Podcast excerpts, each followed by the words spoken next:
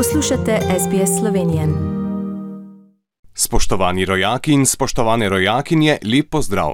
Medtem ko epidemija v Evropi in tudi v Sloveniji popušča, je ustavno sodišče pri nas ugotovilo, da je del zakona o nalezljivih boleznih glede omejitev gibanja in zbiranja v neskladju z ustavo.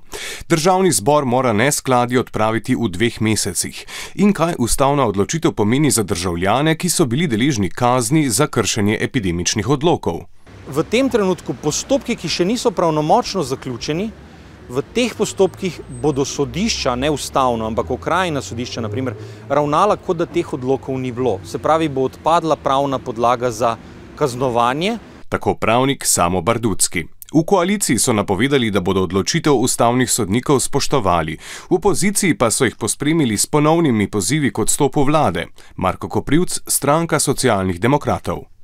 S to odločitvijo ustavnega sodišča bi lahko rekli, da so si na nek način zabili še zadnji žebelj v krsto kredibilnosti te vlade. Naj čim prej odide, čim prej, morala bi že včeraj. Vlado pa je kot stop v prejšnji petek na ulicah Ljubljane pozivalo okoli 40 tisoč ljudi. Množico so med drugim nagovorili aktivisti petkovih protestov, predstavniki sindikalnih central in drugi. Kritični so bili do vlade, izpostavili so pomankanje socialnega dialoga in po njihovem mnenju sporne ukrepe in zakone. Ponovili so zahtevo po predčasnih volitvah.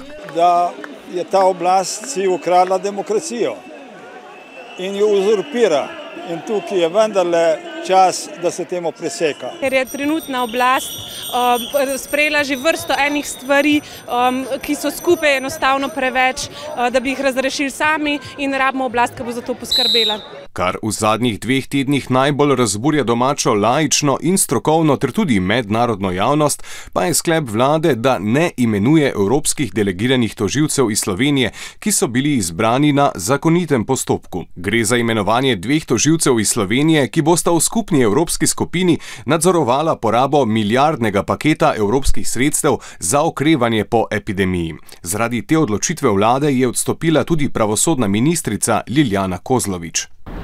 Sklep je bil na, na odboru za državno ureditev v torek. Uh, upala sem do zadnjega, da ne bo sprejet, uh, ker menim, da tako kot sem dala v svoji izjavi, da je strokovno neutemeljen.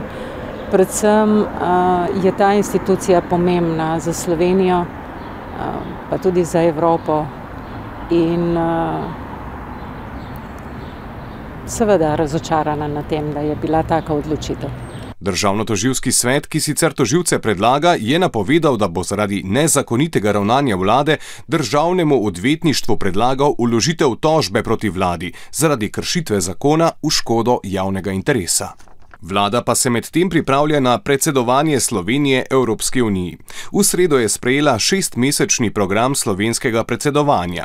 Prednostni sklopi so odpornost, okrevanje in strateška avtonomija Evropske unije, konferenca o prihodnosti Evrope, unija evropskega načina življenja, vladavine prava in enakih meril za vse ter verodostojna in varna Evropska unija.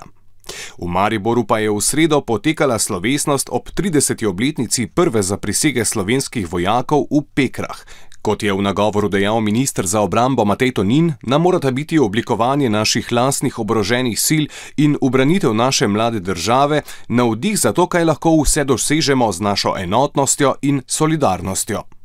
Rekreacijsko-turistični center Krvavec pa je zaključil najdaljšo smučarsko sezono v zgodovini.